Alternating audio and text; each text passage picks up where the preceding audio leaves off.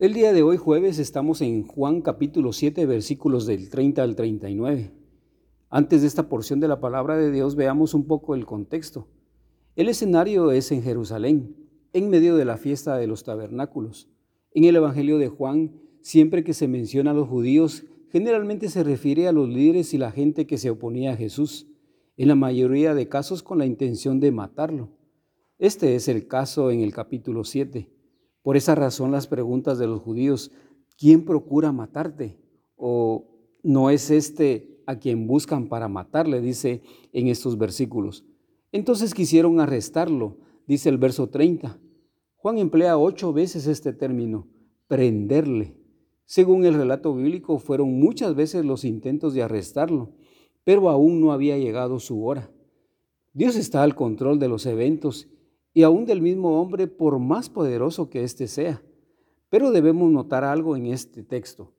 Muchos de entre la multitud creyeron en él. Jesús siempre fue aquel hombre controversial porque decía la verdad, pero esa verdad llevó a muchos a creer en él. No hay duda que esta fe en Cristo era una fe verdadera. Había mucha oposición, incluso intentando arrestarlo, pero la gente seguía creyendo en él. ¿Habrá alguien más que haga señales como él? decía la gente. Esto confirma la veracidad del Señor Jesús. Todo esto enojó al Sanedrín. Este grupo religioso era dirigido por un sumo sacerdote. Este tenía cierta inclinación política y también buscaba siempre complacer los intereses de Roma. Ellos también tenían autoridad y entonces enviaron a judíos eh, guardias del templo Dice así el versículo 32, y era precisamente para arrestar a Jesús, pero él sabía quién era y qué le iba a suceder y cuándo iban a suceder estos eventos. Por esa razón sus palabras, estaré con ustedes por poco tiempo, dice el verso 33. Me buscarán, pero no me encontrarán, porque a donde yo esté, no podrán estar ustedes, dice ahí en el verso 34. Por esta razón, eh, las dos preguntas que hicieron los judíos en el versículo 35, eh, es evidente que la gente entendió estas palabras de Jesús de manera literal. ¿A dónde piensa ir? Piensa ir a nuestra gente dispersa entre las naciones. Los judíos no reconocían a Jesús como el Mesías, como el Cristo. Por eso al buscarlo no lo encontrarán. Y la consecuencia de este rechazo era que no podrán ir a donde va Él. La palabra griegos tiene el, sentido de gentiles y la palabra dispersa se refiere a los judíos viviendo en la tierra de los gentiles. La gente pensaba que Jesús iría a ellos. Está claro entonces que no entendieron el lenguaje de Jesús. Jesús, en otras palabras, estaba profetizando su muerte y su subida al cielo.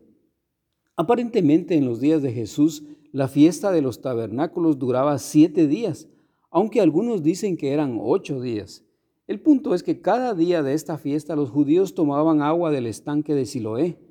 Era un acto solemne y la derramaban sobre la base del altar.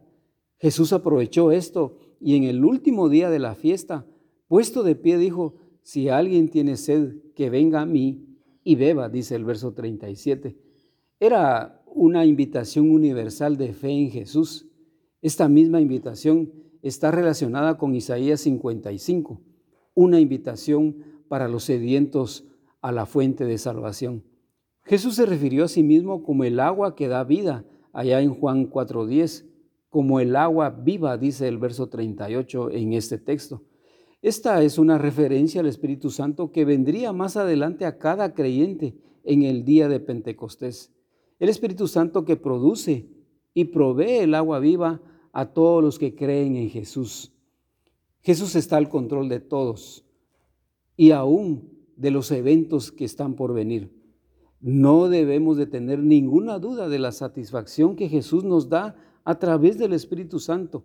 Y estas son tan abundantes que todo aquel que cree en Él no solamente será saciado a sí mismo, sino que también podrá dar al prójimo de esa misma fuente. Por eso, vívelo. Si tú eres un creyente genuino, tú tienes el Espíritu Santo. La pregunta sería, ¿tu vida está siendo controlada por Él? ¿Qué área de tu vida aún es controlada por el pecado? No olvides que el fruto del Espíritu allá en Gálatas 5:22 es una muestra del control que ejerce el Espíritu Santo en la vida del creyente. Jesús es la fuente de vida, es el agua viva que puede saciar tu sed. Mi nombre es Carlos Boj y nuestro deseo es que sigas creciendo en el conocimiento del Señor. No te quedes solamente con este comentario, estudia y medita en la palabra de Dios. Bendiciones.